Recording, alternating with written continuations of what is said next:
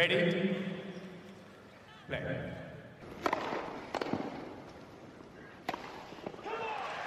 Merhabalar Raket Servisi hoş geldiniz. Ben Gökalp. Ben Anıl merhaba. Amerika açık devam ediyor. Birinci turdan sonra bir canlı yayın yapmıştık. Şimdi de üçüncü turu ve haliyle ilk haftayı geride bıraktık. Ve de ilk haftanın bir üstünden geçeceğiz. Bir hafta su gibi akıp geçti Gökalp ya. Zaten Evet. hani Serena başlı başına bir e, gündem maddesiydi. Sürprizler oldu. Çok değişik maçlar oldu. Ve Ben inanılmaz açıkçası- yoğun geçti. Serena kaybettikten sonra bir boşluğa düştüm. Turnuva bitmiş gibi hissediyorum. bir hele yani dün e, bayağı dedim evet yeni bir sayfa açılıyor. Yeni bir turnuvaya başlıyoruz gibi hissettim. Ben çok e, turnuva başlamadan önce böyle biraz meraktaydım nasıl gidecek akış. Çünkü yani Djokovic'in yokluğunun çok hissedileceğini bekliyordum. Zverev de yoktu. Ama hani hakikaten Nadal'ın dediği gibi oyun devam ediyor. Yani sen orada yoksan da devam ediyor, varsan da devam ediyor. E, Bir de şimdi Serena gibi büyük bir hikaye olunca ee, tabii ki o böyle bütün boşluğu böyle ilk haftadaki o e, hani harala gürele kasap gibi 10-100 tane maç aynı anda böyle insanlar ne olduğunu anlayamıyor onu mu takip etsem bunu mu takip etsem derken böyle ilk hafta böyle bir karambol giderken ana bir hikaye vardı. Üçüncü tura kadar çıktı. Müthiş bir başarı. İki numarayı eledi. Tomljanovic'le acayip bir maç oynadılar. 3 saati geçkin bir maç oynadılar. Ve maçın tamamında yani böyle ne varsa geriye kalan böyle silah olarak hepsini kullandı. Evet bir de bizim için öyle birisi gelmemiş, ikisi gelmemiş falan. Hani bu kadar yakın tenis takipçileri ola- olarak hiçbir şey değil. Biz 2020 Amerika açığı izlemiş insanlarız. Biz hepimiz oradaydık. Yani Kimse Nadal, yoktu. Djokovic, Federer yokken biz o Team Zverev hatta bir adım öteye gidiyorum. Neydi o? İçler acısı bir maç vardı. Ee, Ee, Carreño Zverev, Pablo maçı. Carreño mu? Evet. Aman Allah'ım. Yani Biz kim daha oradaydık. kötünün rekabeti vardı. Biz şey Wimbledon'da da oradaydık. Ee, Fritz Shapovalov maçı da mı o, o şey Fritz Shapovalov maçı mıydı? Orada da bir bir set biri berbat oynuyor.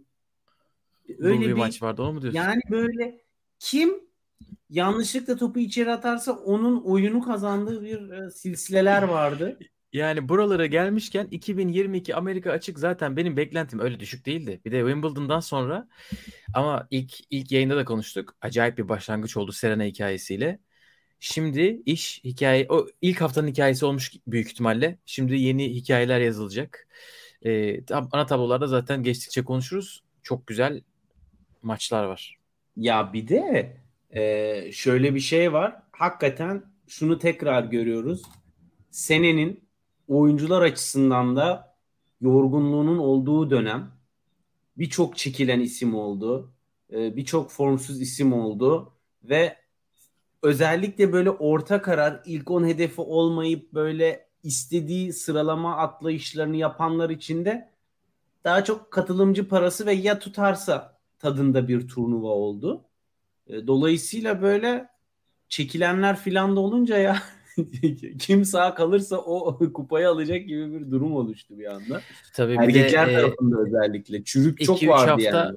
2-3 hafta oynatılmayan Ruslar, Belaruslular e, bir dinlenmişler mi artık? Öyle bir e, sonuç çıkar mı bilmiyorum ama hem Rus hem Belaruslular iyi gidiyorlar. Yani Medvedev'i bırakın. İşte Ivaşka'sına, Samsonova'sına kadar. Çok formda gelenler devam ediyorlar. Garcia gibi. Hepsinin üstünden geçeceğiz diyelim ve de yavaştan istiyorsan ana tablolara başlayalım ama önce size de selamlar. Muhammed selam, Gülçin selamlar. İşte beklediğimiz sıcak Evet. içecek. Saygının çayları olmadan başladığımız yayınlar hep bir eksik. Hep bir Muhammed demiş Zverev ve Haçanov maçlarıydı sanki demiş.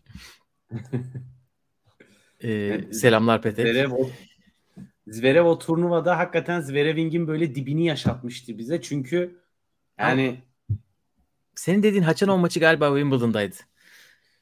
ya yok, Beşinci ben set. o turnuvada bir maç daha hatırlıyorum. Shapovalov Fritz maçı gibi bir şey hatırlıyorum. Öyle bir şey olabilir. Oo. Öyle bir eşleşme var mıydı? Evet. Öyle de bir herkes fırsat kaçırmıştı bir maçta. Evet. Evet. Çok tanıdık geldi şu anda.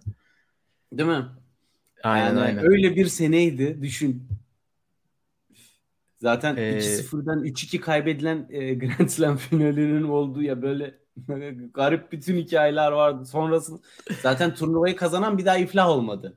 Aynen. Yani team Anıl Kutlu- kendine gelemedi. Kendini e, balinalara verdi. Ya şimdi çocuk sakatlandı lütfen. Anıl O- Kutlu iyi akşamlar canım. demiş.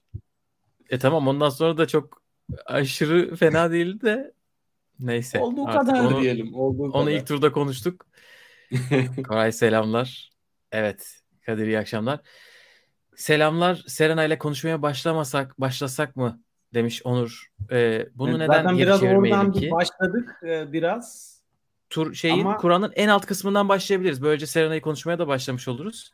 Yalnız ona da gelmeden önce Fantasy Tenisi e, geçen sefer konuşamamıştık. Bugün en sonda bir bakarız. Sadece şunu söylemek istiyorum. Ben çok kötü gidiyorum. Çünkü ben Amerika için kurallarına ters her türlü takımı kurdum. Hem başta hem bugün. Ama bizim birincimiz yanlış konum. O kimse lütfen çıksın burada konuşsun. Dün bir noktada dünya altıncısıydı. Bütün sıralamalarda altı numaraydı. Kimsiniz? ve de e, ve turnuvanın şampiyonları kimler olacak? 2023'te Federer geri dönecek mi? Böyle sorular var. bize, bize böyle bir e, falcı. Ama Aynen. gerçekten ben hani en yakından böyle kıyas hani Fantasy Game'de olduğu için Roland Garros'la US Open'ı karşılaştırdığım zaman zaten uygulamalar arasında müthiş kalite farkı var. US Open'ın istatistiklerinin derinliği berbat, yok. Gerçekten altyapısı çok kötü. Yani IBM'le çalışmamak için bir referanstır o yani. Çok kötü. Ondan sonra üstüne üstlük Fantasy Game'de gerçekten o şeyi hissedemiyorsun. Yani bir hafta maçlar oynanıyor. Sen başta 8 tane tahmin yapıyorsun ve bitti. Kurbanlık koyun gibi bekliyorsun. Hadi bakalım. yani Evet, bir de fena. ilk 16'dan bir oyuncu seçebiliyorsun. Şimdi o Ha, zaman sürekli şimdi- sürpriz at bekliyorsun. Bu Sürekli detayı- sürpriz at bekliyorsun. Bu, bunları sonra konuşuruz ama mesela bugünkü tekrarlamada ilk 16'dan bir oyuncu kuralı kalkmış ve ben bunu bilmediğim Evet. için Koranten Mute falan seçtim. Neyse artık. Bunu konuşursak çıkamayız diyelim ve de Kur'an'ın en alt kısmından kadınlarla giriş yapalım. Çünkü burada Serena Williams kariyerini %99 ihtimalle noktaladı. Asla kesin demiyor. Ee, ama çok büyük ihtimalle son profesyonel maçını Ayla Tomljanovic'e karşı oynadı. Acayip de bir maç oldu. Kesinlikle. Acayip. Yani e, bence veda kısmı tabii ki ben şunu algıladım. Turnuva Kovinic'i geçip sonra da Konteveit'i eledikten sonra dur bu turu da geçer bu. Bir şey hazırlamayalım dediler ve beklemedikleri anda eğlendi ve birden böyle ortam hazırlıklar bir ortada kaldı gibi oldu. Ve tam o şokla konuştu. Çok duygusal bir konuşma yaptı. Bütün ailesine teşekkür etti. Gözyaşları falan. Ama bu kadar mıydı dedirtti yani. Sonra to Ayla geldi. Onunla röportaj yapıldı. İnsanlar böyle hava fişek falan beklentisine girmişlerdir yani. O Amerika Evet. pazarlamanın şovun merkezi. Yani e, Serena gibi Time dergisinin kapağı yani. Tarihin en iyisi The Greatest diye başlık olmuş bir insanın son maçı ve birkaç dakikalık bir konuşma ve bitti. Yani Yani bence totalde bakmak gerekiyor gibi düşünüyorum. Çünkü sadece öyle bitseydi çok kötü olurdu ama bu hafta bence Serena için muhteşem Serena yani böyle haftasıydı. mükemmel veda olmuş olabilir. Bütün dünya Serena'yı konuştu. Kazanmaması gereken belki de maçlar kazandı. Kazanmaması gereken derken tabii ki mantıken yoksa rakibi daha iyi oynadığı için değil. Yani bu aylardır tenis oynamıyor. Geçen geldi işte Cincinnati'de Cincinnati'deydi değil mi? Raducanu'ya 6-0'lık set kaybetti. Öyle Evet. yerlerden geldi. Biz Kovinic maçı son maçı olacak diyen çoğunluktaydı belki de. O maçı kazan, Kontaveit maçını kazan. Videolar her ikisinde de olsun. Kovinic maçında zaten özel bir veda da yapıldı. Tören de yapıldı. Dediğin gibi sönerek gitti. Zirve aşılmıştı veda seremonisinde evet. baya, bayağıdır. O biraz garip oldu ama hafta ama işte genelinde bakınca gerçekten e, zor. Yani o yüzden bir kez daha Songa'ya yapılan vedanın ne kadar böyle arkasında kim bilir ne kadar uğraştılar ki hani böyle hep hazır istim üzerinde ha şimdi tamam giriyoruz okeydir diye böyle biz evet. mükemmel bir veda gördük. Yani hani organizasyon konusunda Fransızlar bence çok kaotikler, çok plansızlar. Yani Fransız şirketinde de çalıştığım için çok yakından görüyorum. Onu yapmaları müthiş başarı. Evet o bence bir ben... nokta atışı Fransa'nın daha iyiydi ama bu hafta bence çok daha büyüktü. Onur Kaymaz da eklemiş. İlk maçında da bir show yapıldı tribünlerde. Show mesela. O show, show efsaneydi. Show efsaneydi. Zaten her şeyi yaptılar. Çok iyiydi. Gerçekten. Ama işte veda vedadan önce veda etti. Yani bu şey olur ya birini birine aa görüşürüz güle güle dersin, sarılırsın, öpersin sonra aynı yönde gitmeye devam Aynen. edersin. Böyle bir of, garip bir şey olur ya. Tam bu. Tam bu. Fransa bu arada Songa Songa iyi ki ilk turda elendi diye sevinmiştir şimdi geri dönüp düşününce. e, ama e, maça geri dönecek olursak e, burada çünkü bir yorum var. Tomljanovic kağıt üstünde daha tehlikeli maç aslında. Kontraveit'i mağlup etmek yanıltıcı her, her oyuncu için bence demiş. E, ya, Tomljanovic'in formunu biliyoruz. Hani e, bu sene zaten Wimbledon çeyrek finali üstüne iyi, iyi gidiyor. Yani çok maç kazandı. E, zaten Serena ile beraber iki haftadır Rene Stubbs da var. Onun için e, Tomljanovic'i çok yakından tanıyan bir isim olduğu için o zaten söylüyordu. Eurosport'a çıktığında da hani Ayla insanlar yeterince kredi vermiyorlar. Çok iyi gidiyor bu sene. Çok iyi sonuçlar alıyor. Hani Serena biliyordur en azından e, neyle karşılaşacağını. Sadece oyun üstü çok büyüktü seyirci faktörü. E, tahmin ediyorum biz yeterince yaşayamadık Eurosport sesi kıstığı için. E, yani Eurosport demeyeyim de e, maç yayınlayan e, taraf sesi kıstığı için tribünler acayip acayiplerdi. Hem ses desibel olarak hem de iki servis arası bağırılıyor. E, çift hata alkışlanıyor. Artık o normalleşti zaten Kovinic maçından sonra. Hani öyle bir atmosfer. Hatta Tomljanovic bir tık bir ara gösterdi sinirlendiğini böyle. Yeter ya gibi bir böyle bir bakış attı takımına. Sonra o ikinci seti kaybettikten sonra ben Serena'nın mesela alıp gideceğini düşünüyordum ki bir break önde başladı son sete. Ama 6 oyun birden kaybetti. Son oyun ya. efsanevi ama yine de. İşte yani bir noktadan sonra kondisyon devreye giriyor. Çünkü Serena'nın e, vuruş gücü, zamanlama kalitesinden sıfır bir şey kaybediyor. Özellikle backendlerinin öldürücülüğü 3. sette bile acayip devam etti. O yüzden zaten Ayla artık ne yaptı? Yön değiştirdi. Öne arkaya sürekli hareket ettirdi ki e, pozisyon al pozisyon hatasından dolayı kötü vuruş yapsın, hata yapsın vesaire. Ama returnler filan hala inanılmaz yani gerçekten. Evet evet. Ee, yani tabii ki daha Serena istediği kadar işte sakatlı olsun olsun. Sonuçta hani bu seviyede bu turda devam etmek inanılmaz yani tamamen bir adanmışlık gerekiyor. Yani tenis öyle bir spor. Ya tam yapacaksın ya hiç yapmayacaksın.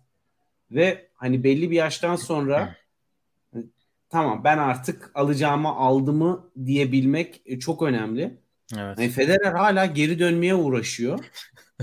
Ama yani o da aslında çok uzun süre önce ben alacağımı aldım moduna geçip çok farklı işlere tabii çok uzun sakatlık aralıkları olduğu için o aralarda çok güzel geçişi yaptı. Kendi markalarını kurdu. Markalara Ama hala oldu. uğraşıyor.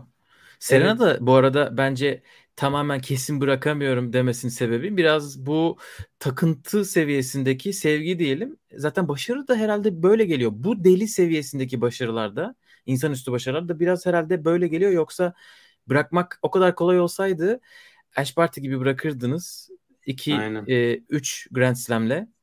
E, hani o, o da bırakmasa belki buralara gelecekti ama biraz bu takıntı o farkı yaratıyor. Bir, e, işte videoyla hadi bana eyvallah. Bye. Aynen.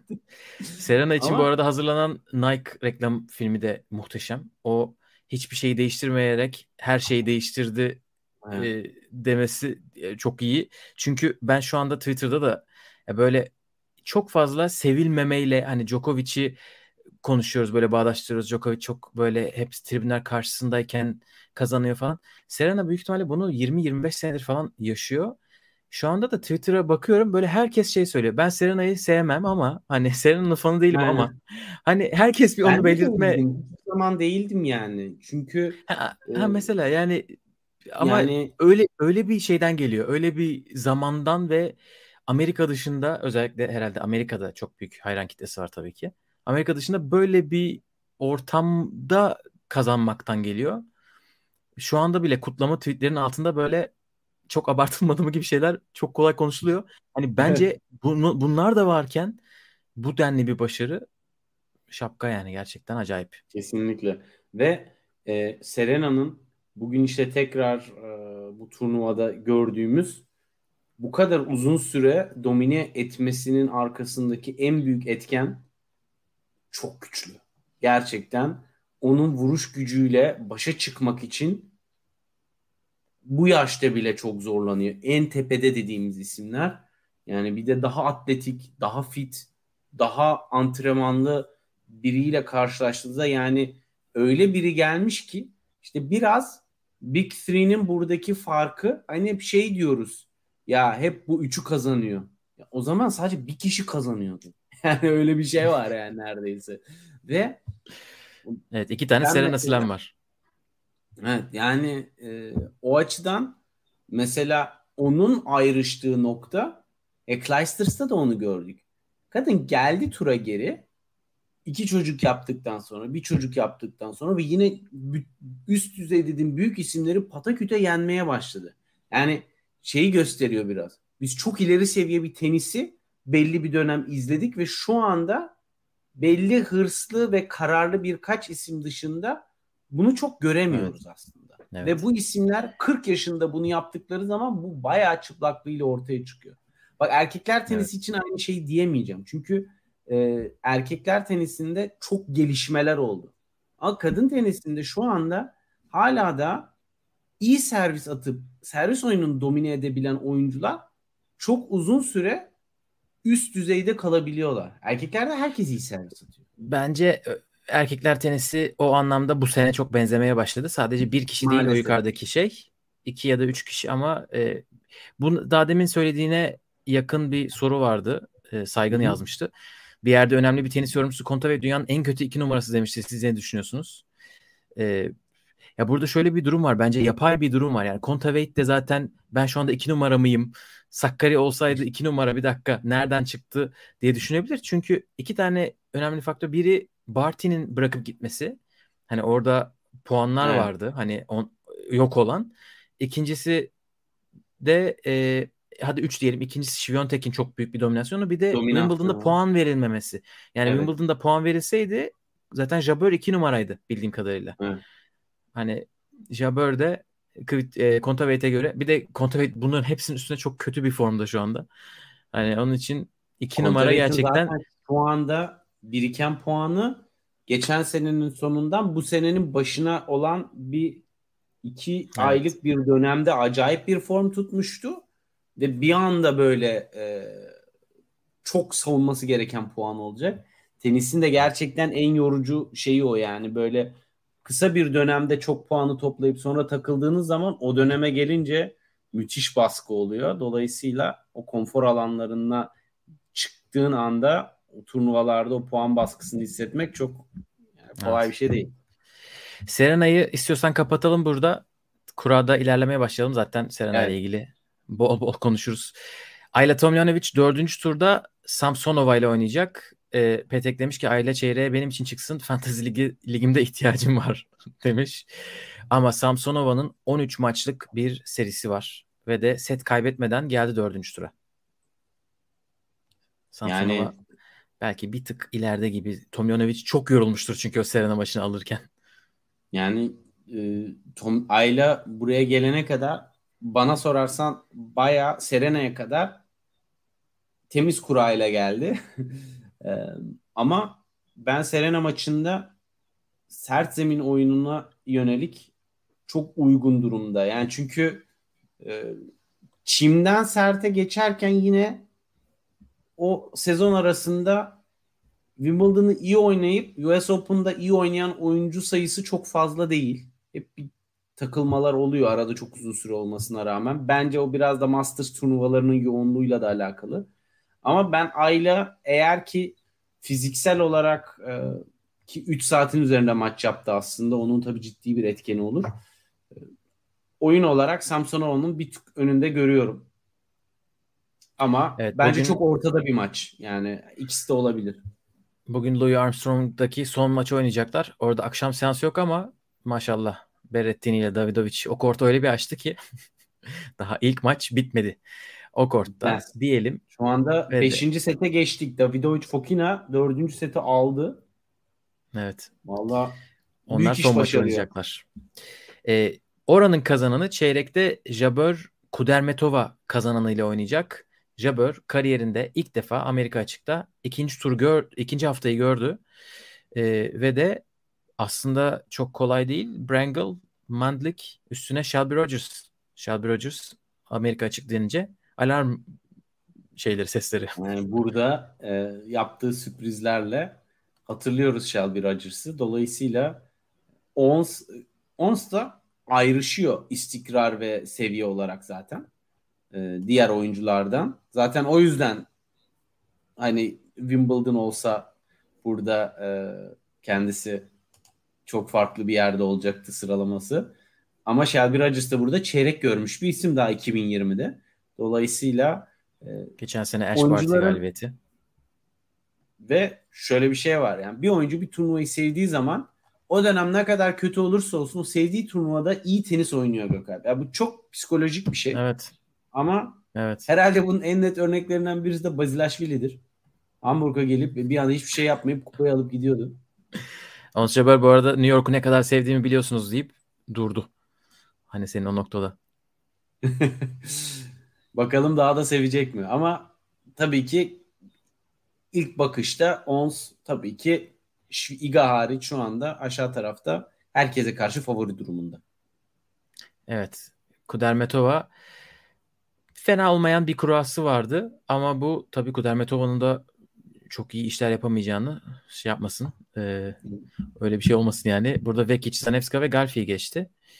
E, dördüncü turda Jabber'le oynayacaklar. Bir tık işte orada şey farkı oluyor. Yani hep konuşuyoruz. Jabber'ı bozabilir mi Kudermetova? Ya bence Jabber'ın seviyesi Kudermetova'yı bozabilir. Daha önceki 3 maçlarında Kudermetova kazanmış. Teşekkürler Anıl. Ya şöyle e, benim teorim var. Bu hep hani konuştuğumuz bir şey. Kudermetova çok rahat maçlar oynayarak geldi. Yani alt yani çok zorlanarak kazanmadığı için maçları bir anda seviye yükselince e, o maça girebilmesi, o tempoya çıkması biraz vakit alabilir. Orada iş işten geçer mi? Girer mi maça?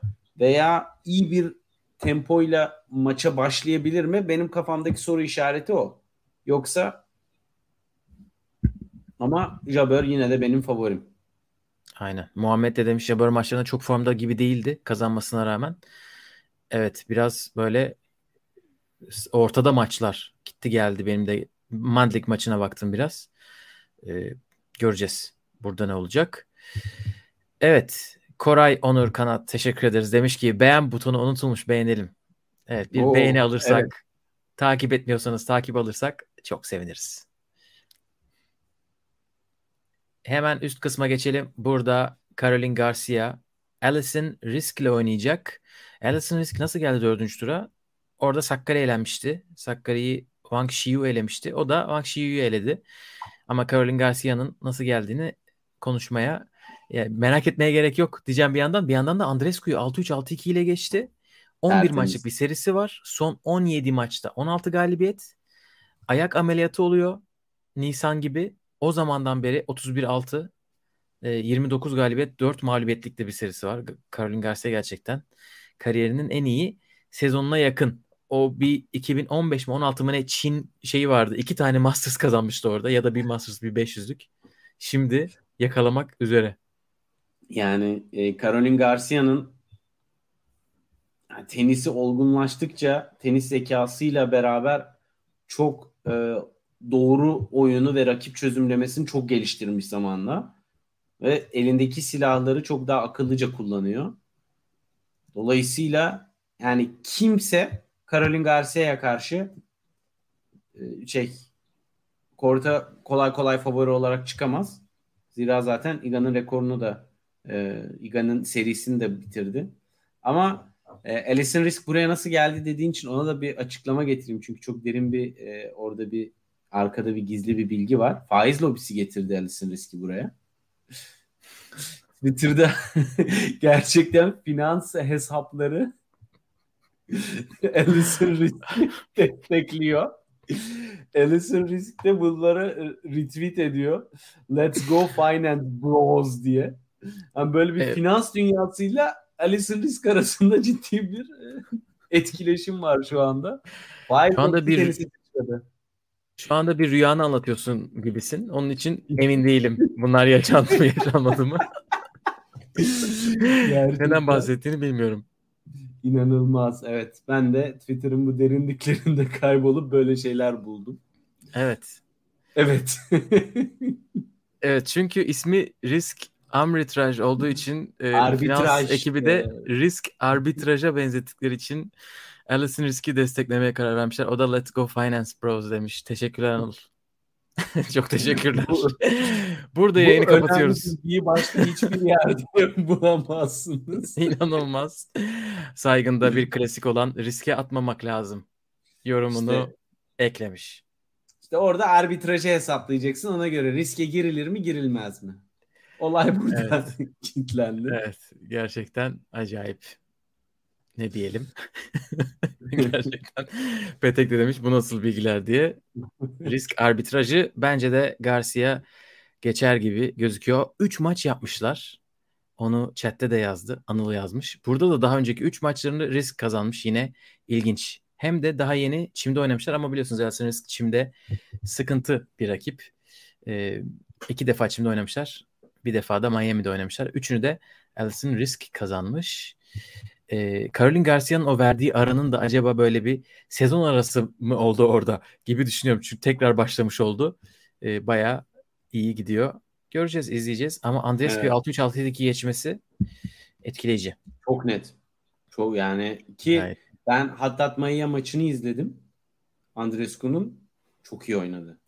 Evet. Yani evet. o iyi hareket eden, geri çizginin üstünde kalan, baskı uygulayan e, gücü doğru ve çok hatası çok hatayla oynamayan winner unforced error dengesini iyi tutan bir Andrescu görmüştüm. Acaba böyle bir ikinci haftaya gider mi derken işte seri bozucu, evet. son seri bükücü Garcia burada da yine devreye girdi. Evet, onu, şimdi onun serisi var. Ee, Muhammed demiş ki valla sponsor gelecekse bizim tenisçiler de gerekirse isim değiştirsin. Neden olmasın? Onun altına saygının yorumunu da e, paylaşırsan e, tam olur gibi. Evet. Çelik Bilek gerçekten çok müsait. Demir Çelik şirketi sponsor olsun demiş. Buradan Altuğ'a selamlarımızı iletelim. e, Garcia risk maçının galibi çeyrek finalde Zhang Shuai Coco Goff maçının Bu arada hemen galibiyle... araya gireyim. Berettini son sette şu anda kırdı servisi ve 2-0 önde. Bakalım Davidovic Fokina maça geri dönebilecek mi? Orada da değişik bir çekişme var şu anda. Çok kırılma anları. Evet Kokogov seri başının hakkını e, Madison Keys'i 6-2 6-3 geçerek verdi. Evet, çok kendinden emin, çok temiz bir performans. Buraya gelene kadar set kaybetmedi. E, Zhang Shui biraz e, fırsat kurasını iyi bildi. Kendisi de yarattı tabii bunu. İlk turda formda olmayan 30 numaralı seri başı Tayfun'u geçmişti 6-4-6-2. Halep'in elendiği taraftan Rebecca Marino geldi ona ve de o da 6-2-6-4'e devam etti. Bayağı iyi gidiyor o da. Ee, şimdi Coco ile dördüncü turda oynayacaklar. Yani Coco ne olursa olsun e, kesinlikle favori çıkacaktır korta. Şu Tabii. anda hani gelişim noktasında sert zemin için bütün silahları var. Acayip hareket ediyor. En son işte tarihin en hızlı 5. servis ah işte evet aynen bu. Ee, tarihin en hızlı 5. servisini attı. Kaç yaşında olduğunu yazmayacağım demiş Muhammed. Birkaç senedir 18 yaşında gibi geliyor. Sürekli Ve, 18 yaşında. Yani gerçekten hani o bir seferlik değil genel olarak servis hızı çok arttı ve bununla servis oyunlarını çok rahat tutunuyor. Kortun içinde refleksleri iyi, çok rahatsız edici bir return oyunu var. Dolayısıyla herkese karşı şu anda Kokogov çok iyi bir seviyeye çıkmış durumda ve tabii ki inanılmaz sempatik. Hem maç sonu konuşmalarında hem de yani müthiş olgun bir karakter. Bir tarafta Alcaraz, bir tarafta Goff gerçekten kadın ve erkeklerde böyle disiplinin, kararlılığın, olgunluğun genç yaşta oluşunca nasıl bir şeyler olduğunu bize gösteriyorlar yani. Evet bence de kort röportajları muhteşem. Her şeye gerektiği gibi gerek, gereken samimiyetle cevap veriyor. Bir tek basın toplantısındaki Kyrgios e, sempatisi e, ve Kyrgios'la alakalı konuşmaları bir tık tepki bulmuş. E, onu da eklemeden geçmeyelim. Çünkü gerçekten Kyrgios'u yere göğe sığdıramamış Koko. Şöyle yapalım mı? Burada e, aşağı, aşağı kısmı bitirdik. Bir finalist belirlememiz lazım. İlk hafta nasıl çeyrek final tahminleri yaptık? Birer finalist çekelim. Yani çeyrek Bunu final tahminlerimizde çok üzüldük yer yer ama e, ben buradan Koko final... çıkar diyorum. Ben Koko'yu bekliyorum gerçekten. Çünkü müthiş finalist bir seyirci olarak. desteği olacaktır. Benim aslında işte hep o beklediğim şey aşağı tarafta o momentum yakalanırsa böyle bir Koko Serena yarı finali bir devir teslim filan oradan Koko'nun finale çıkması öyle bir e, hayal dünyasına girmiştim ama yani ben de buradan Koko çıkar diyorum. Amerikalıların şu anda hani var gücüyle o stadı yıkacaklar yani. Ve onun çok evet. büyük bir artı faktörü olacaktır.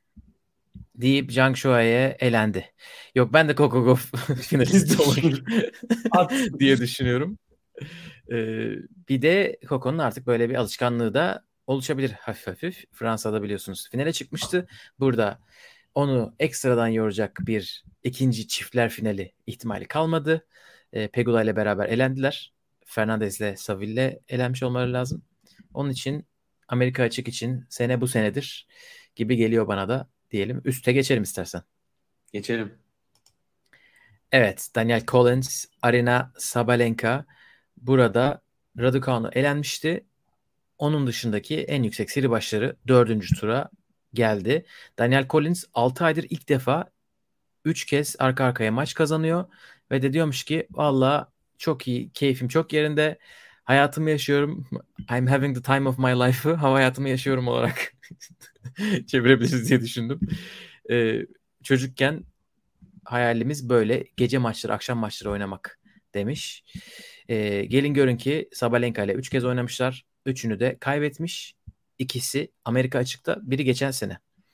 Ee, ama Sabalenka. Sabalenka Kanepi'ye karşı 6-2-5-1 gerideydi.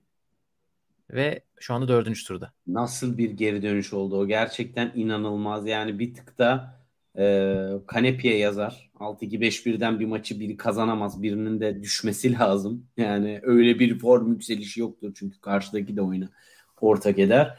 Ama tabii ki e, müthiş bir hikaye var orada.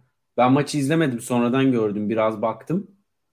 Basit hata sayısı oldukça artmış Kanepi tarafında ve vuruş derinliği de azalınca Sabalenka birden agresif oyununu oynayacak bayağı bir alan buldu. Özellikle Clara Burel maçında da gördük onu e, Sabalenka'nın. Servisler bir tık e, derinliği az olunca ve birinci servisin yüzdesi çok da yüksek olmazsa ki birinci servis gelse de derin olmazsa güç de önemli. Sabalenka returnleri böyle tokat gibi geri yolluyor.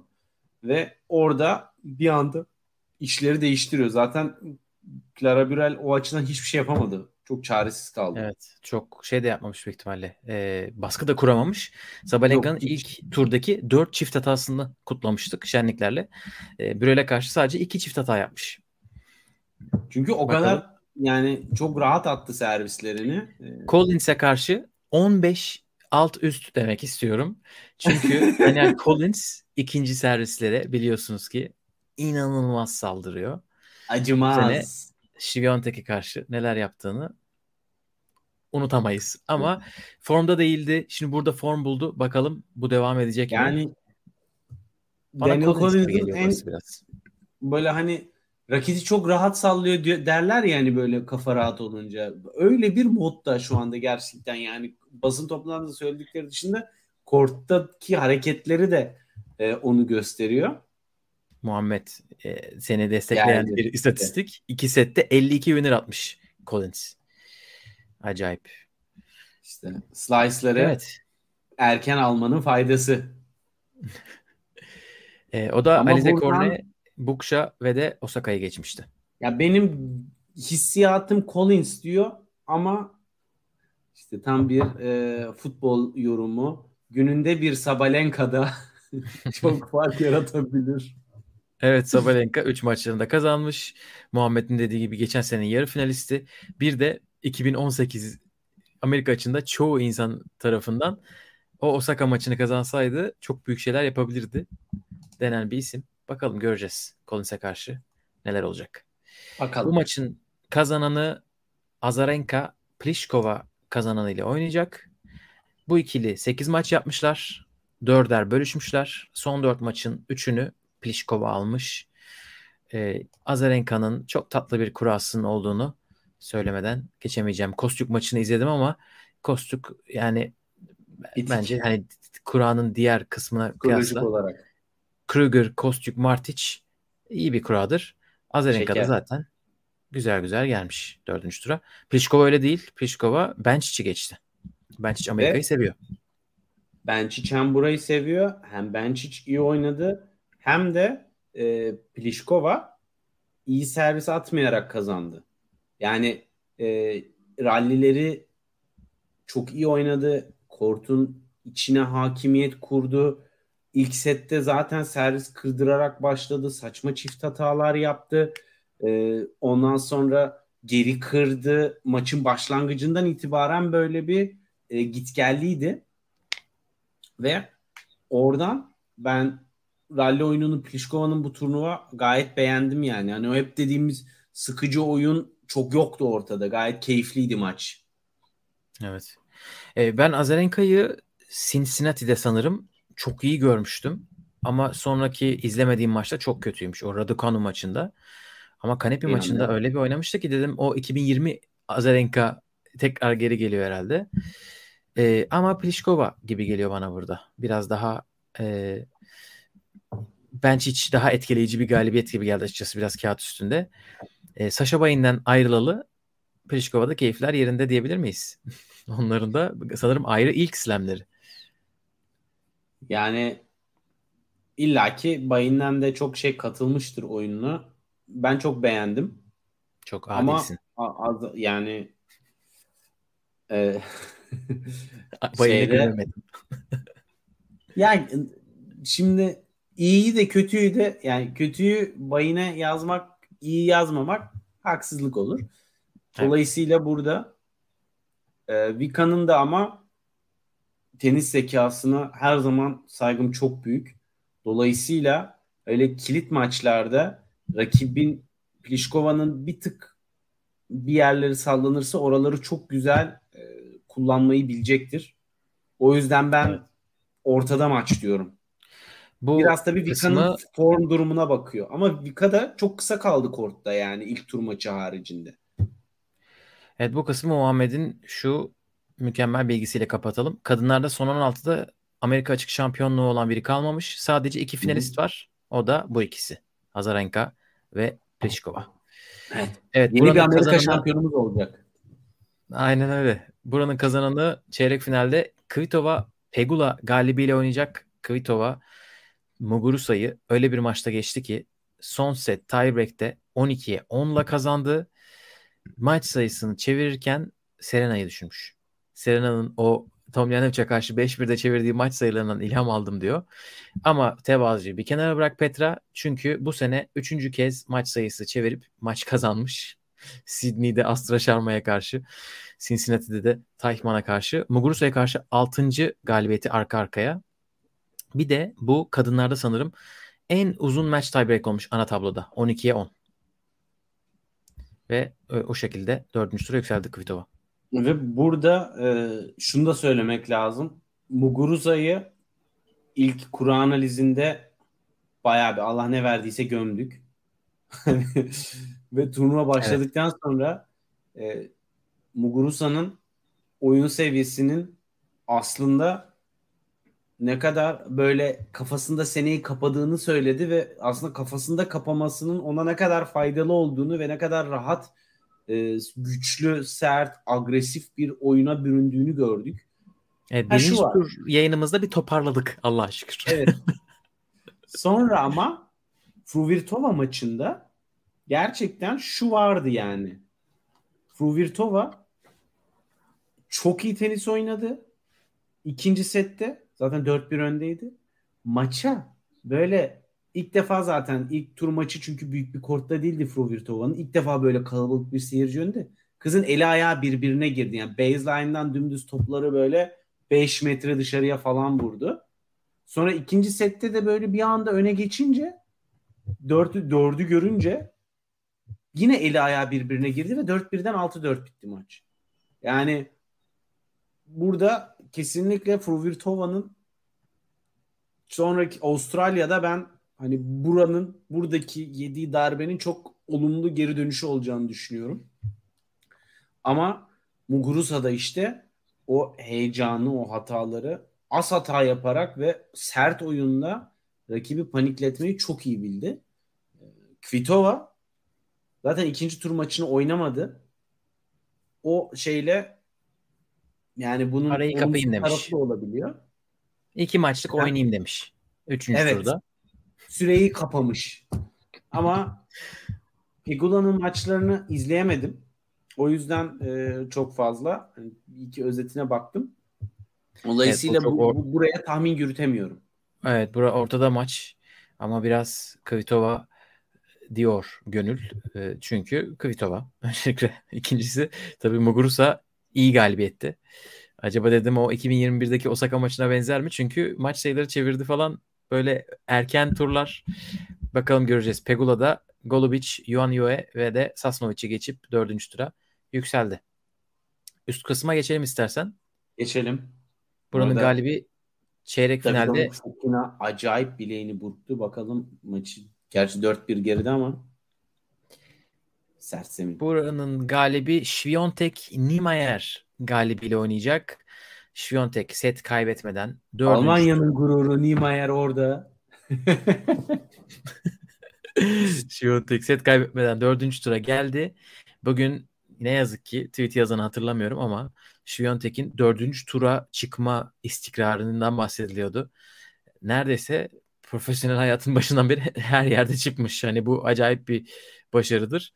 Burada da çıktı. Önce Paulini, sonra Sloane Stevens, Sonra da Lauren Davis 6-3 6-4'le geçti ve ikinci sette 3-0 geriden geldi. Hani taktik değiştirmesi de gerekti. Karşısında Niemeyer olacak.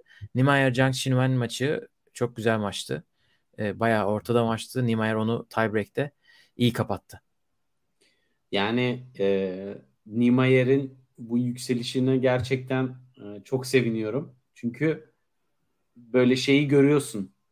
Yule Niemeyer geçen sene e, Prag'da işte e, İpek Çağla sanırım o turnuvada oynamıştı. O turnuvada böyle bir anda yan kortta acayip bir tenis oynanıyor diye böyle dikkatler üstüne çekilmişti Nimayer'in. Zaten o turnuvayı da kazandı. Ve bir sene içerisinde müthiş bir gelişim kat etti. Bu sene Roland Garros'ta elemelerden çıktı. Wimbledon'da ilerledi.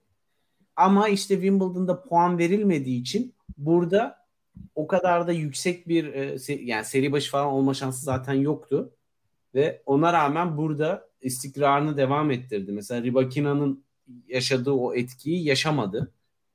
Ki Ayla Tomljanovic de öyle. Wimbledon'da iyi bir Wimbledon geçirip puan toplayamayanlardan. Ve ben çok iyi bir maç bekliyorum.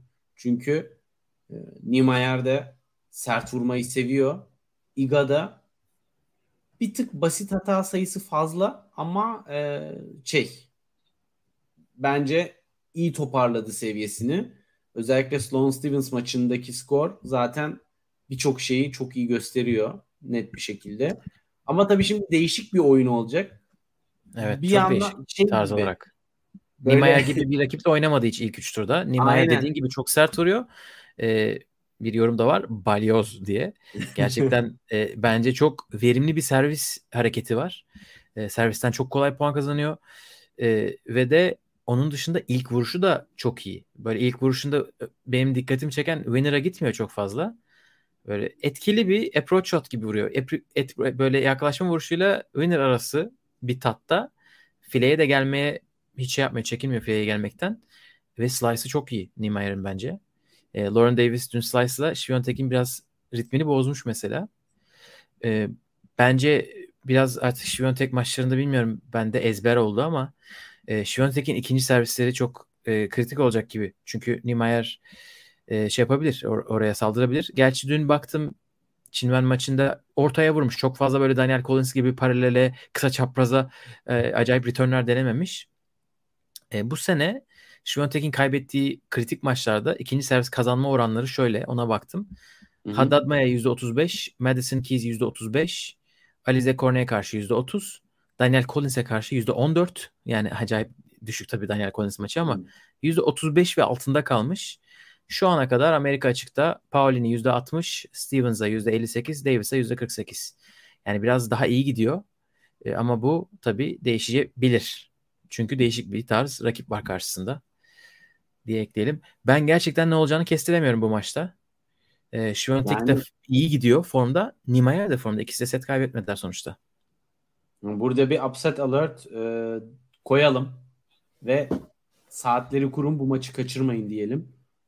Çok Putin Seva maçı da çok iyiydi e, Nimayer'in. E, burada üçüncü tur maçı da yani seri başı olmayan buranın çok ters oyuncularıyla oynadı ve geçmeyi başardı. Zaten ilk turda Sonya, Sofia Kenin'i geçti. hani kağıt üstünde zaten her şeyi anlatıyor. Ama bakalım. Evet, ben maç pazartesi günü oynayacak. kadar favori değil artık. O ciddi mağlubiyetlerden sonra. Bence yani evet ama Niemeyer zorlu bir dördüncü tur kurası kim için olursa olsun. Biraz evet. o işte Wimbledon puanları seri başı olamazdı ama yine de belki bir şeyler olurdu. Hiçbir şey olmadı ee, da bir şeyler oldu. Muhammed ve Unfucking Believable Guy'ın müthiş düetini aktarmak isterim. Ee, iki istatistik var beni şaşırtan demiş Muhammed. Açık dönemde US Open'da çeyrek finale çıkan Polonyalı kadın yok. Ee, üstüne de Radwanska'nın 5 tane dördüncü turu var gelmiş ama çeyreğe çıkamamış. Ee, gerçekten Şiviyontek o anlamda da bir fark yaratabilir. Bu taraftan finalistimiz kim diyorsun yukarı taraftan? Şiviyontek, Nimayer, Kvitova, Pegula, Azarenka, Pliskova, Collins, Sabalenka. Şiviyontek dememek biraz zor sanırım. Zor ama o kadar da düşük olasılık değil Şiviyontek olmaması. Yani şöyle baktığın zaman şöyle aşağılara gittiğimizde olası rakiplerini değerlendirdiğinde ona ters gelebilecek her oyuncu türü var.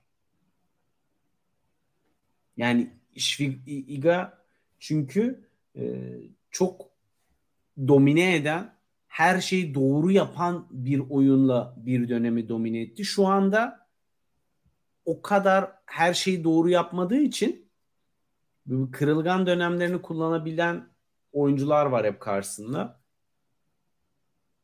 Bakalım. Ama benim de tabii aklım ve özellikle dün e, Davis'e karşı hem servis oyunu servislerin etkinliği senin de dediğin gibi ikinci servisler de düşük değildi.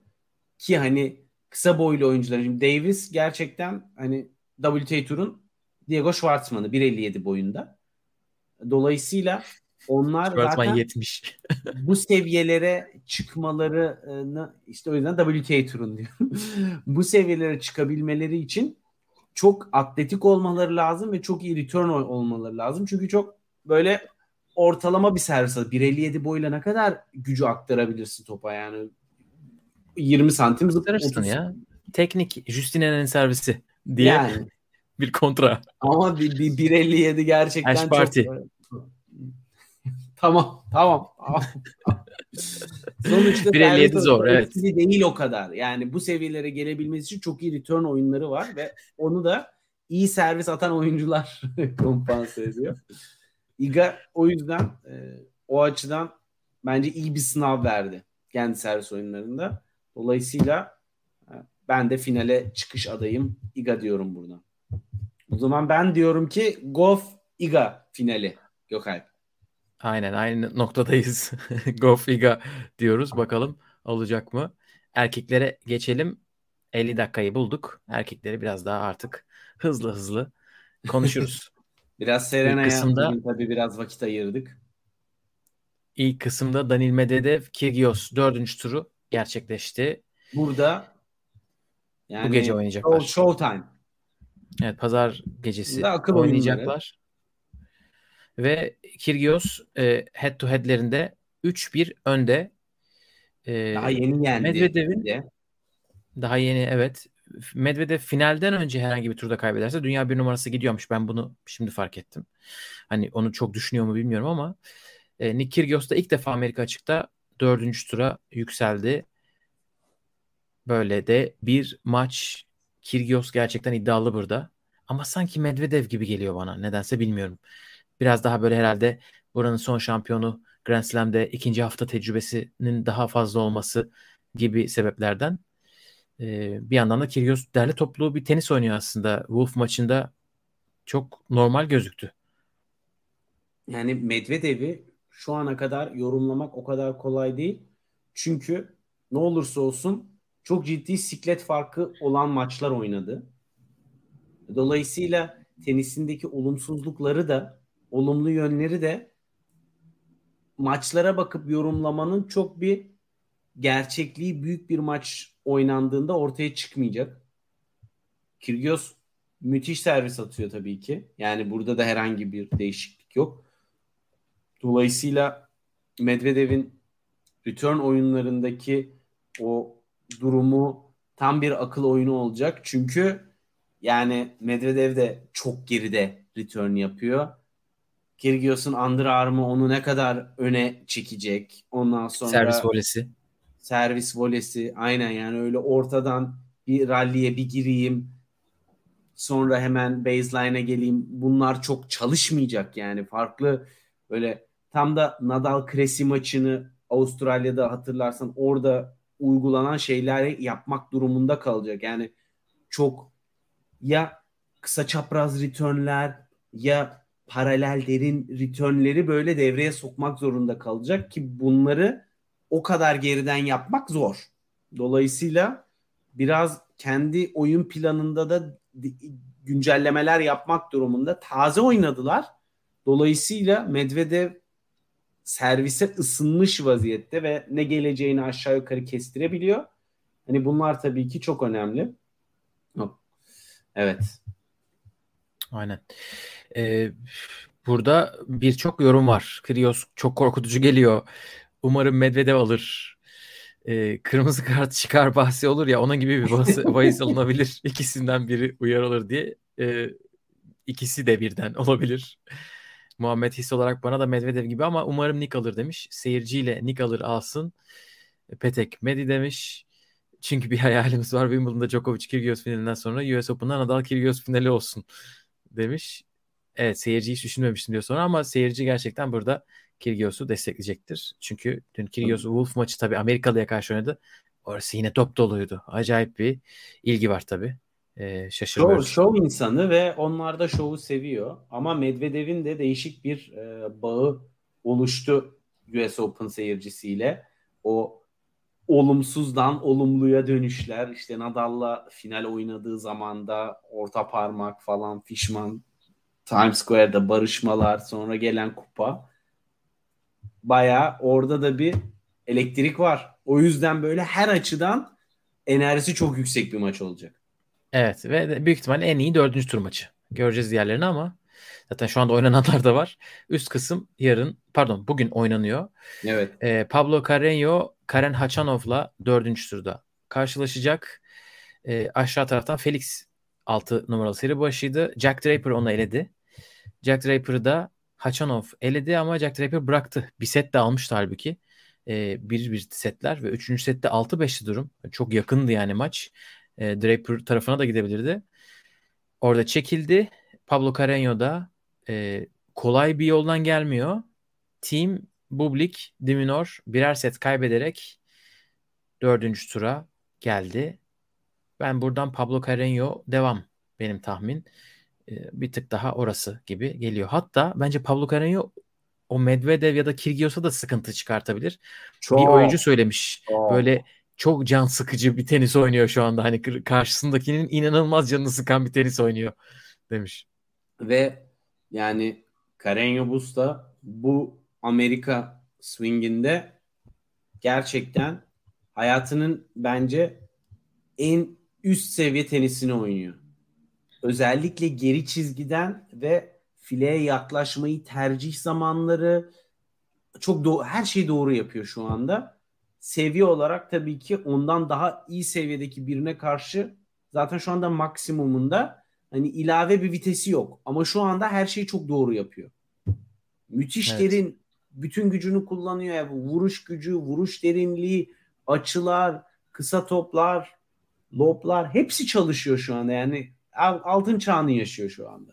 Yani bir Grand Slam finali olacaksa kuradan bağımsız yani şu seviyesiyle ulaşabilir. Geçen sene de tam bu zamanlar bu zamanları seviyor demek ki takvimde. Zaten New York'taki başarılarını biliyoruz. İki defa yarı finali var. Geçen sene de bronz madalyası var. Ee, olimpiyatlarda tam bu Ağustos ayı. Ee, burada Diminor güzel bir taktik değişikliği yaptı. İlk, ilk iki set 6-1 6-1 gidince daha atak daha önde oynamaya başladı. İlk iki sette 13 kez fileye çıkmış. Diğer ikisinde toplam 25 kez. Hani biraz resmen rakiplere taktik verircesine bakın ben yapamadım siz devamını getirin gibi öyle bir gözle görülür Ama- bir değişiklik zaten skorda da öyle. Skorda değişti. bir anda. Bakalım ama Haçanov da e, orada biraz fiziksel olarak yıpranmış bir Draper'a karşı maçı Aynen. kazandı çekilmesiyle. Buranın kura olarak da en şanslı ismi olabilir. Evet. Kudla, Monteiro bir de rakip çekiliyor. Dördüncü turda. Allah bereket versin. Felix tabii burada büyük hayal kırıklığı. Evet. Aynen. Felix orada e, Evet, Draper'a burada kaybetti. bir, bir refresh atabilirsek maç bitti Gökalp. Burada Berettini Refresh- çıktı. Refresh attım. Sadece e, çok uzun olduğu için biraz daha sağa çekmem gerekiyor. Berrettini çeyrek finalde. Evet, Berettini çeyrek finalde e, son sette zaten break öndeydi. Sonra e, dizi dönünce veya dizi bileği bir şey oldu Fokina'nın. Zaten formalite maçına döndü. Yine de iki oyun aldı orada. E, ama yani Berettini burada tekrar bir istikrar abidesi olduğunu gösteriyor ve servisinin servis forehand voley kombinasyonunun ne kadar öldürücü olduğunu burada da devam ettiriyor. Asla seviyesinden ben- bir şey kaybetmedi. Ben Andy Murray'e kaybeder Ben bu- diye bile düşünüyordum. Yani resmen o istikrarı gösteren cevap niteliğinde bir maç. Evet. Ki Murray de bu turnuvada iyi tenis oynadı. İyi de maç oldu. Ama Fiziksel olarak da iyiyim diyordu. Her şey vardı. Fakat işte e, Berrettini'ye karşı servis kırmak çok zor olduğu için bir dönemlik konsantrasyon kayıplarında Berrettini orada hazırsa tık iş bitiyor. Geçmiş olsun. Berrettini Burada da çok iyi biraz bir slam oyuncusu demiş Muhammed. Üç zeminde de iyi işler yapabiliyor. Tüm bunlar onun eninde sonunda bir slam kazanacağını gösteriyor bence. Doğru söze. Yani Wimbledon'da Djokovic oynamadığı bir Wimbledon'da bir numaralı favori. Nokta. Evet e, tabii bir backhand top spin durumu var. hani onu Murray de bütün maç oraya gitmeye çalıştı. İttirme. Bir backhand dürtme. Aynen. Artık Yani ne o-. O slice hayatlar kurtarıyor. Ee, hı- o hız, o forehand. Bakalım o herhalde o onun belirleyici faktörü olacak. Sonat demiş ki yanlış konum bir oyuncusu elendi. Yani yanlış konuma da yazık çünkü dünya 5 numarası olmak için e, oyuncu değiştirememek gerekiyor herhalde Evet. ikinci haftada. Onu kutluyoruz ya. O bizim fahri şampiyonumuzdur bence. Dünya şampiyonudur. Evet ya neyse Fantasy Game'de konuşuruz onu biraz daha. Tamam. Buranın galibi yani Berrettini Mute Rud galibiyle oynayacak. Rud maçı kapatıyor derken Corentin Mute benim takımımda olduğunu öğrenip bir set almış. Bir anda. Evet, ilk Tebrik iki sette yayına başlamadan önce maça bakıyordum yine. Yani aslında sekanslarda Mute o seviyede oynayabildiğini gösteriyordu ama çok istikrarsız oynuyordu. Yani bir çok iyi oynuyor sonra birden pıt gidiyor o anda break geliyor double break geliyor bir şey oluyor ve e, set kopup gidiyordu. Demek ki biz yayına başladıktan sonra o iniş çıkışları biraz daha az yapıp e, sette kalıp tiebreak'te işi götürmüş. Maç Evet, uzadı. e, kendisi bir lucky loser. Wu Yibing'e kaybetmişti elemelerde. Gelin görün ki kendi, şu anda Wu Yibing'in ötesine geçti ve devam ediyor. işte lucky loser'lık böyle bir şey. Bacaklarda kaldıracak mı bu kadar uzun maratonu onu da göreceğiz. Şu elemelerden gelmenin Ruud. en büyük zorluğu. Kasper Ruud da çok uzun bir maç oynadı 3. turda Tommy Paul'a karşı. Tommy Paul 3. 5 setlik maçını oynadı. Artık buradan da çıkma be kardeşim derken 5. sette 6-0'la Bitirdi. kaybetti o seti. Hmm. Ruud dedi ki benim daha İyonik depoda adam. benzin Adam çok. Norveçli. Benzin Evet. bitmez.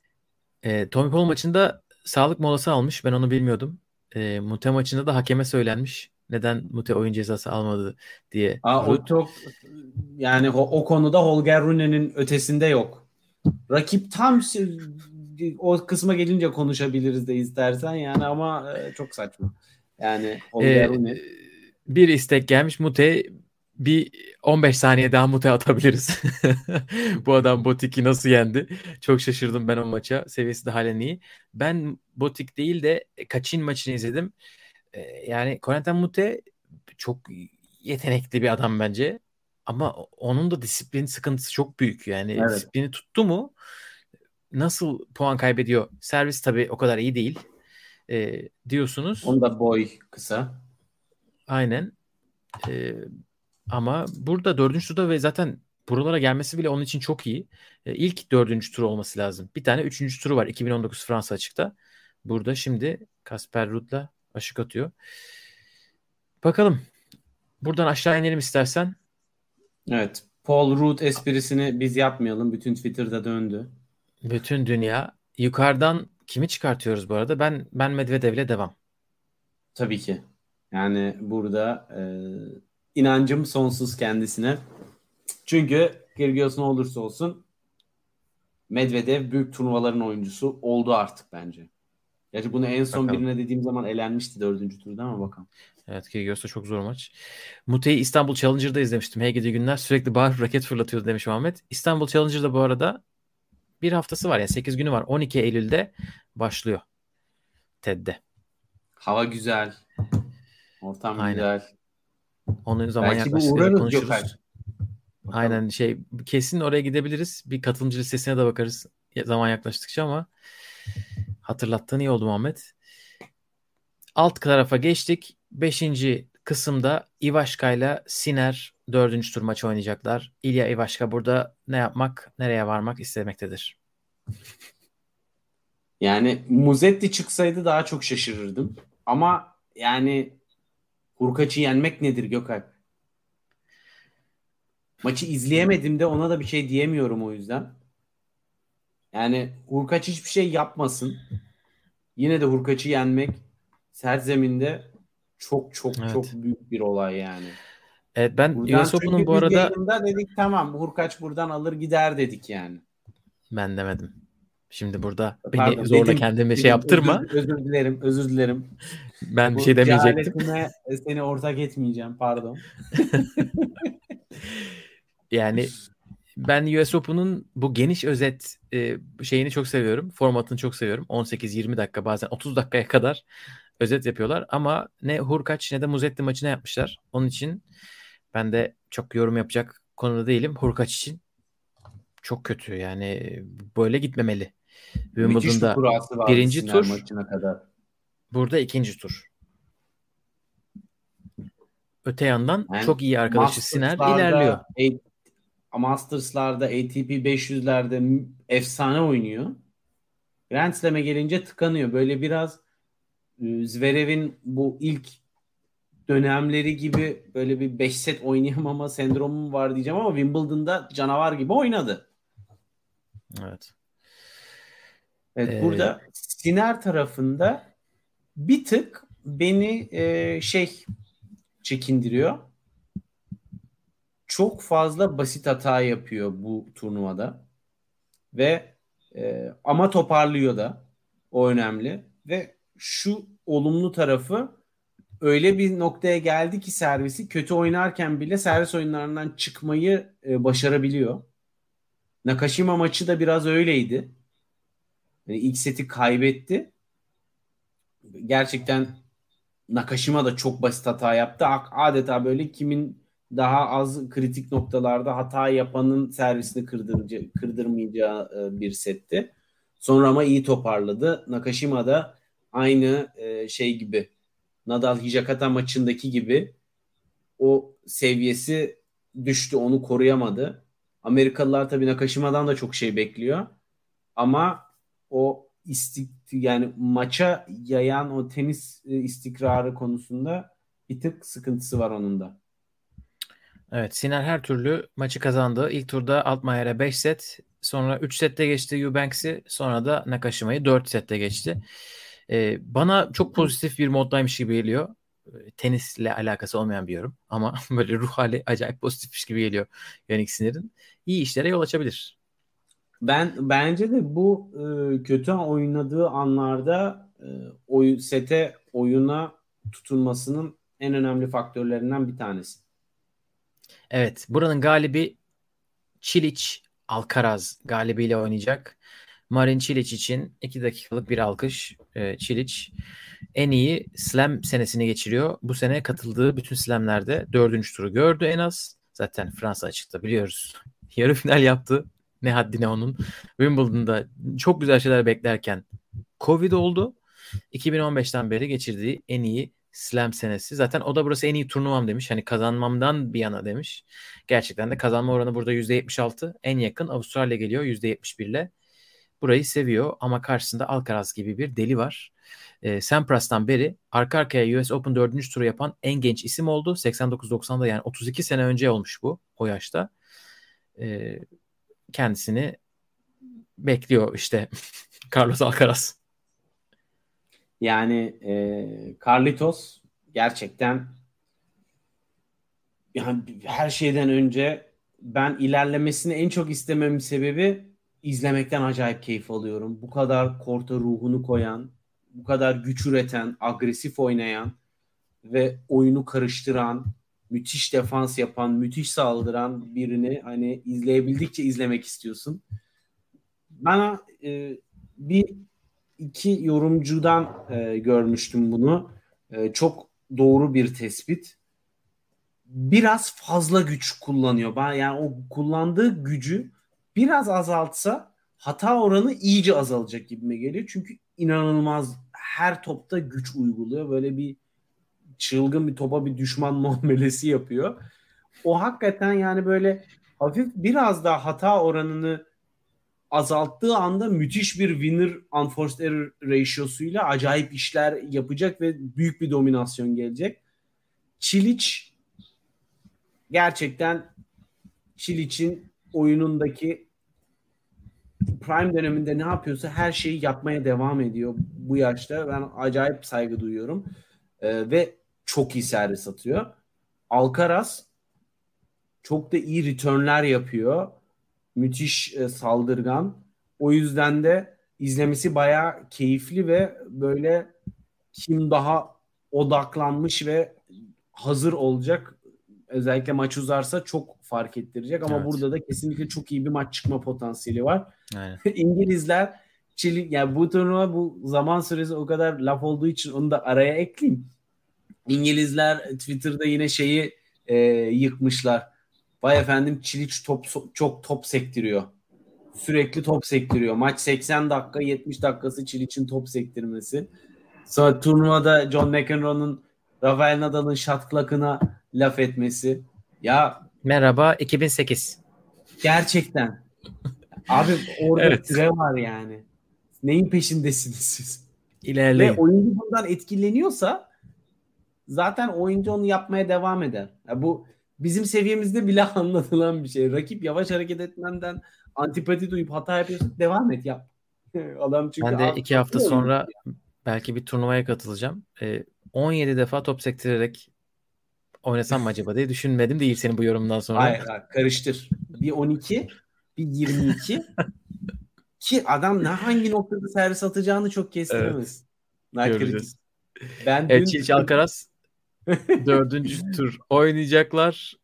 Ee, burası daha önce dediğimiz gibi Ivaşka Siner'in kazananıyla çeyrek finalde karşılaşacak. Evet yedinci tarafta Cam Nori, Andrei Rublev dördüncü tur karşılaşması Rublev Shapovalov'la acayip bir maç oynadı. 5 set, son set tiebreak 10'a 7. Son sette Rublev 5-4'te maçı kapamak için servis attı. Kapayamadı. Demiş ki çok iyi maçtı ikimiz için de. Bu maçın kaybedeninin olmaması lazımdı demiş. E, Şapo bu arada iyi form e, belirtileri gösteriyor. Cincinnati'de iki maç kazandı. Burada iki maç kazandı. Oynadı. Aynen. E, şöyle bir durum var. Mihail Yujni ile geçen senenin sonunda ayrılmışlardı. Burada tekrar başlamışlar. Adını tam koymamışlar anladığım kadarıyla. Bir de Osaka IMG'ye IMG'yi bırakıp kendi menajerlik şirketini kurunca sanırım o sebepten dolayı kondisyoneri de ayrılmış. E, Nakamura. E, Yukata olması lazım. Yutaka Nakamura. O olaydan sonra Nakamura Shapovalov'la çalışmaya başlamış. Shapo da belki de bir değişim sinyallerinin başlangıcıdır. Çok yakın maçı kaybetti. Öbür taraftan Cam Nori Holger Rune'yi rahat geçti. Nori set kaybetmedi. Nori maçından sonra şöyle demiş. Bütün amacım maçı 2 saate getirmekti. Çünkü dedim ki o zamandan sonra başlıyor maç. Hatta e, antrenörüne bakıyor, bakıp demiş ki 2 saate geçince evet başlıyoruz. Böyle bir fiziksel fark odağı 5 e, set oynamış bir Rublev'a karşı bu kafa işe yarayabilir. Kesinlikle. Yani e, zaten tenis zekası yüksek oyuncuların en doğru yaptığı şey o. Skordan bağımsız olarak rakibi hangi seviyeye çekeceğim yorarak, koşturarak, mental olarak ve bunun üzerine maçı kuruyorlar.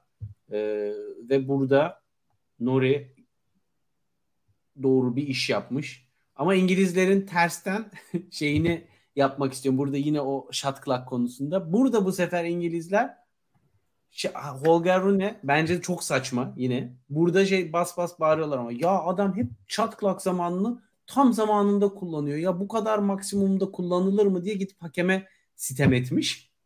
Orada da İngilizler zaman bu. Geçmiyorsa sana ne kardeşim diye konuşuyorlar. Yani herkes böyle bu shot clock konusu gerçekten gereksiz bu turnuvada bir noktaya geldi. Acayip evet. Adam Nori fazla tıkır tıkır gelmedi mi buraya demiş Petek. Yani Benoit Per ve Joao Sousa Allah için iyi iki tur e, kurası. Per oynamadı.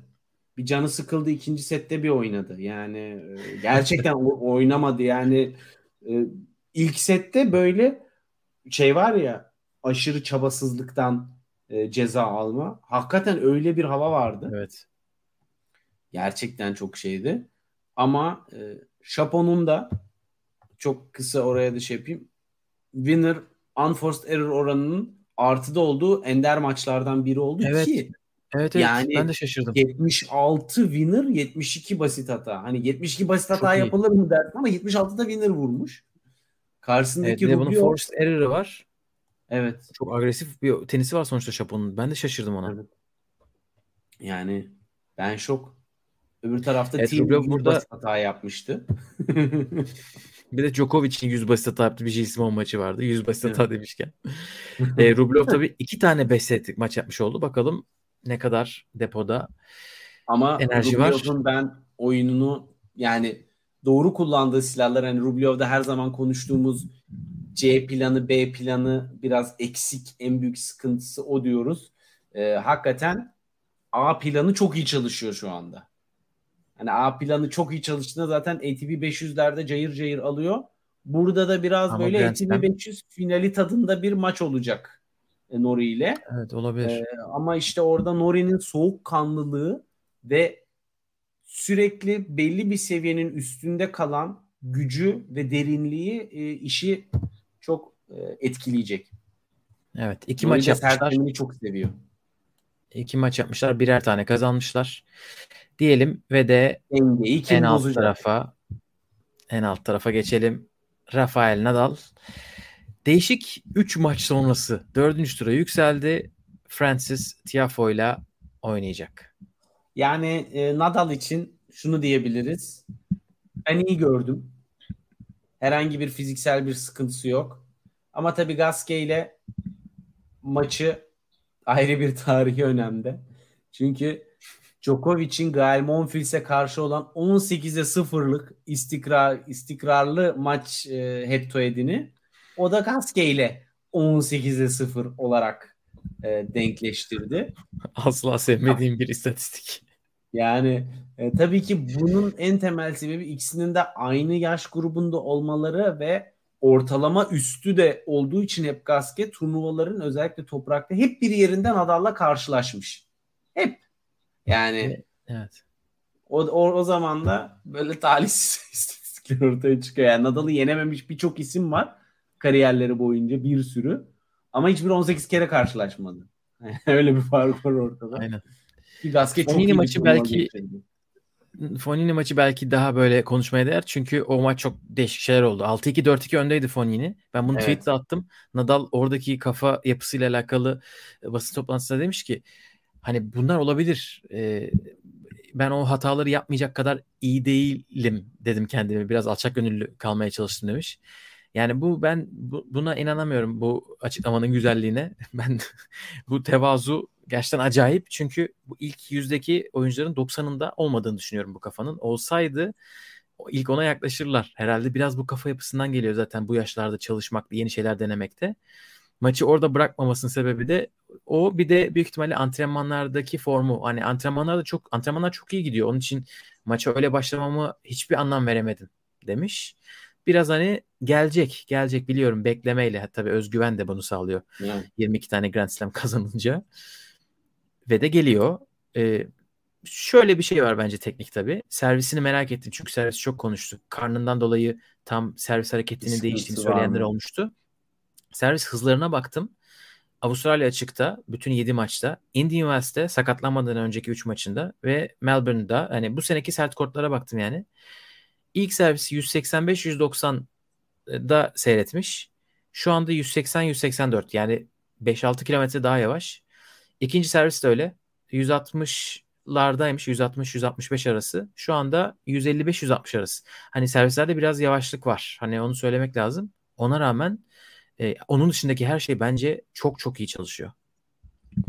Yani özellikle hani şey de e, çok önemli. Tabii bu maçlarda çok bunu okumak da kolay değil ama hani serviste her zaman hız her şey değildir. Çünkü Nadal özellikle avantaj tarafına slice serviste çok sevdiği için ve bunun etkili ol. Mesela Gasquet'e karşı e, çok daha fazla slice servis kullandığı için de mesela ortalaması düşebiliyor. Çünkü tek el Tabii ama ben karşı diğer verdiğim ortalamalarda da illa öyle maçlar vardır. Zaten çok fazla Evet. servis olduğu için hepsinde slice vardır illaki diye düşünmek lazım. Çünkü diğerlerinde de Manarino var mesela. Hani Giron Ha, var. evet. Değişik Opelka var. Hani slice kullanacağı maçlar var orada da. Evet, ama e, bence Nadal genel olarak yani böyle gözle görülür herhangi bir üzerine konuşulacak bir sıkıntısı görülmediği için istatistikleri anca okuyup bir şey çıkarmaya çalışıyoruz. Bu da demektir ki aslında hazır. Finale hazır. TFO maçı çok ilginç olacak tabii ki. TFO da Kyrgios ekolünden büyük maçları, büyük oynamayı çok seviyor. Her şeyini ortaya koymayı, şovu çok seviyor. Bu bazen rakibi rahatsız edebiliyor ama Nadal zaten bunlardan asla isterse amuda kalksın hiçbir şekilde etkilenmez. Ama seyir zevki çok yüksek bir maç olacak o da kesinlikle. Yani dördüncü turlarda artık patlamış mısırları hazırlayacak e, zamanlar daha bir belirginleşti. Evet Tiafo ben e, ilk bir buçuk seti falan izledim. Schwarzman double break öndeydi. E, sonra bir break daha öne geçti. Üç defa seti kapayamadı. 5-2, 5-4 ve 6-5'te. İkisi Tiafoe'nun returnlerine biri Schwarzman'ın e, kendi kötülüğüne yazar diyeyim. Ama e, yine o spektaküler sayıları alıyor. Seyirciyi coşturuyor. E, hani o da Arthur Ashe'de bir şey yapacaktır. Sanırım Federer'le burada 5 setlik bir maç mı oynamışlardı? Ee, yani o o da o arenayı seviyor yani Arthur Ashe'de oynamayı büyük oyunculara karşı. Bakalım iyi, iyi US Open'ı vardı. Kaşanov'la çok iyi bir maçları vardı onu hatırlıyorum. Oradan çıkmıştı sanırım. TFO böyle e, son dakikada o turnuva çok iyiydi. 2019 ya da o da 2020 olursa ona da emin değilim. Bakayım. Ama evet, Nadal'la yani. Tiafo dördüncü turda karşılaşacaklar. Nadal e, şu anda dünya bir numarası gibi düşünebiliriz. Çünkü Medvedev'in kazanması gerekiyor anladığım kadarıyla. Yani, yani diğer oyuncuların kazanması gerekiyor evet. Nadal'ın olmaması için öyle bir durumda. E, ve de giderek formunu buluyor. Klasik e, Big Three gibi her geçen maç daha iyi oynuyor. Zaten Gaske maçı en iyi maçım demiş. Bu arada o burnuna raket çarpışının saçmalığı hakkında ne demek istersin? Bu nasıl yani, bir şanssızlık? E, Gökay bir oyuncu sakatlanma variyetelerinin hepsini dener mi? Hani Evet ya. Del Potro boyu, oyun stili filan genetik yapısı muhtemelen de onu e, bunlara yönlendiren bir yapısı vardı. Her bilek, diz. Nadal Valla çok acayipti. Yani stres kırığından tut. Ya bu Şimdi biraz saçma oldu. Evet ya bu, bu artık e, işin zirve noktası. Aynen bu zirve. orasına geldiğini görünce dedim zirve. Dedim bu çok kötü. Benim de çünkü öyle burnuma direkt gelen bir şey olmuştu. Böyle dünya kararıyor. o da öyle demiş. Burnum kırıldı sandım demiş. Ee, sonra da ama 15-40'tan geri gelip oyunu sonra... falan böyle kazandı. O oyunda. Ha. Öyle bir öyle bir durum. Maçtan sonra ama çok e, sempatik bir paylaşımla da durumu e, şey yaptı gösterdi. Bir sıkıntısı görünmüyor evet. o açıdan. Basın toplantısında şey demiş ki maçın başında öyle kötü oynadım ki e, ondan dolayı çarptı raket. Onun cezası Ceza olarak. olarak. ya bu Aynen. da ne kadar e, tatlış bir açıklamadır. Gerçekten. Evet. Ne yapıyor? E, ne yapalım? Fantasy tenise geçelim mi yavaştan? Çünkü kuralları Ondan bitirdik. önce bence ha, çok kısa ha, bir, bir juniorlara da bir girelim. Alttan Nadal. Ha, Nadal hani, tabii tabii. Tabii. Yani Nadal Medvedev. Nadal Medvedev bekliyoruz. Ozan Çolak maçını aldı şu anda. Aynen. Ben de şimdi ona baktım. O aldı ve e, Togan ana tabloda, Melisa ana tabloda, Junior'larda çok güzel gelişmeler var. Elemelerden çıkıp ana tabloya gelmek bence çok değerli Junior'larda. Evet, Çünkü Togan bugün oynuyor. bir e, şey var. E, Togan 10 numaralı seri başı Pavelski ile oynayacak. Hani Melisa'nın maçı yarın olması lazım. Bugün programda yoktu. Gördüğüm kadarıyla Melisa. Evet. Ee, onu ben da de görmedim. yarın izleyeceğiz. Ama çok iyi. Başka var mı evet. ekleyeceğim şey? Yok. E, Fantasy Game'e geçebiliriz. Dünyanın en evet. heyecansız Fantasy Game'i gerçekten. evet. Gerçekten evet. E... Yanlış ben... konum. 1, Yavuz 2, İlk Erwin 3, Tenis Not 4, W11 5. İlk beşimizi bir sayalım da podcast olarak dinleyecekler için. Evet. Alkışlarımızı da yollayalım bu ekibe. Ee, burada tenis notu görüyoruz chatte. 2898 evet, puan. Kolay değil. Hemen el kaldırsın. Ben gördüğünüz gibi 5673'üncüyüm. Onun için sizleri tebrik ediyorum. Yanlış konumun takımına bir bakmak isterseniz Kyrgios, Davidovic, Siner, Nadal, Kvitova, Azarenka, Garcia, Samsonova. Gerçekten tebrikler. Evet. Çok tertemiz, kılçıksız çıkmış ama Nadal'la Siner'i aynı anda nasıl koymuş onu çözemedim. değiştirdi herhalde 16. demek ki. Ama- Değiştirdi Ha, işte evet, demek ki yeni değiştirmiş o zaman. Evet. Aynen. Çünkü erkekler tarafında en çok zorlandığım o oldu. Bir de Ben olayı olarak iki defa ilk 16'dan gittim Tsitsipas'ı koydum. ben olayı iki defa çok yanlış anladığım için e, ilk hafta yanlış anladığım taraf düşük sıralamalı daha çok puan veriyor gibi Fransa açık yüzünden öyle bir mantık. Ben bu hataya geçen sene de düşmüştüm. Bu sene de mu düştüm. o? Yok. E, sadece e, her ace'e 2 puan, her break'e 5 puan, kazanmaya 100 puan. Bu kadar. e, oyunun kurallarını bize tekrar hatırlatırsanız bir dahakine Evet. aynı hataya her sene düşülmez be kardeşim. Bir defa düşersin. Oradan koyacaksın Kirgios'u. Koyacaksın ilk 16'dan Medvedev'i. Gerisine Ben ilk bakacaksın. 16'dan iki kişi koydum. E, Halep ve Fritz. Teşekkürler Türkiye. Çok iyi. Burada Ben de olanlardan bu arada Heh. Sıralamasızım ama e, sonradan katıldığım için sanırım sıralamam yok. Ben de ama çok Canın rezil bir noktadayım. En altlarda Petek falan bir 8 şekilde göre- görünüyor muyum Gökalp? Bir bakabilir miyiz bu utanç tablosuna? Evet. E, E, aa, 17. sıradan giriş Aa, işte buradasın. Çok iyi. İşte müthiş. 17. Ee, Anıl Kutlu bugün aramıza bolca katıldı. 20 numarada. Tebrik ederiz. Daha da load more'a gerek yok be. Evet. Benim nerede olduğumu görmek istiyorsanız sizin için hemen bakalım. Gelmiyor. Gökalp, o zaman özür diliyorum. Gruba katılarak senin de sıralamanı bir aşağıya ittirmiş oldum. Affına Resmen ilk sığınarak. 30'daydım. Şimdi çıkmak üzereyim. o kritik seri başı durumu sarsılıyor. Son hatta bugün çete yazdı. Aramızda bir 100 puan gibi bir şey var. Evet. O zaman bugünlük bu kadar diyelim mi? Bugünlük bu kadar. E, maçlar Ve- devam ediyor.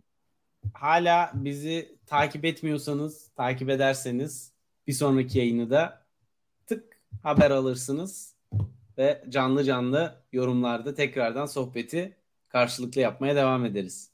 Aynen katılımınız için çok teşekkürler. Bir sonraki bölüm görüşmek üzere. Hoşçakalın. Hoşçakalın.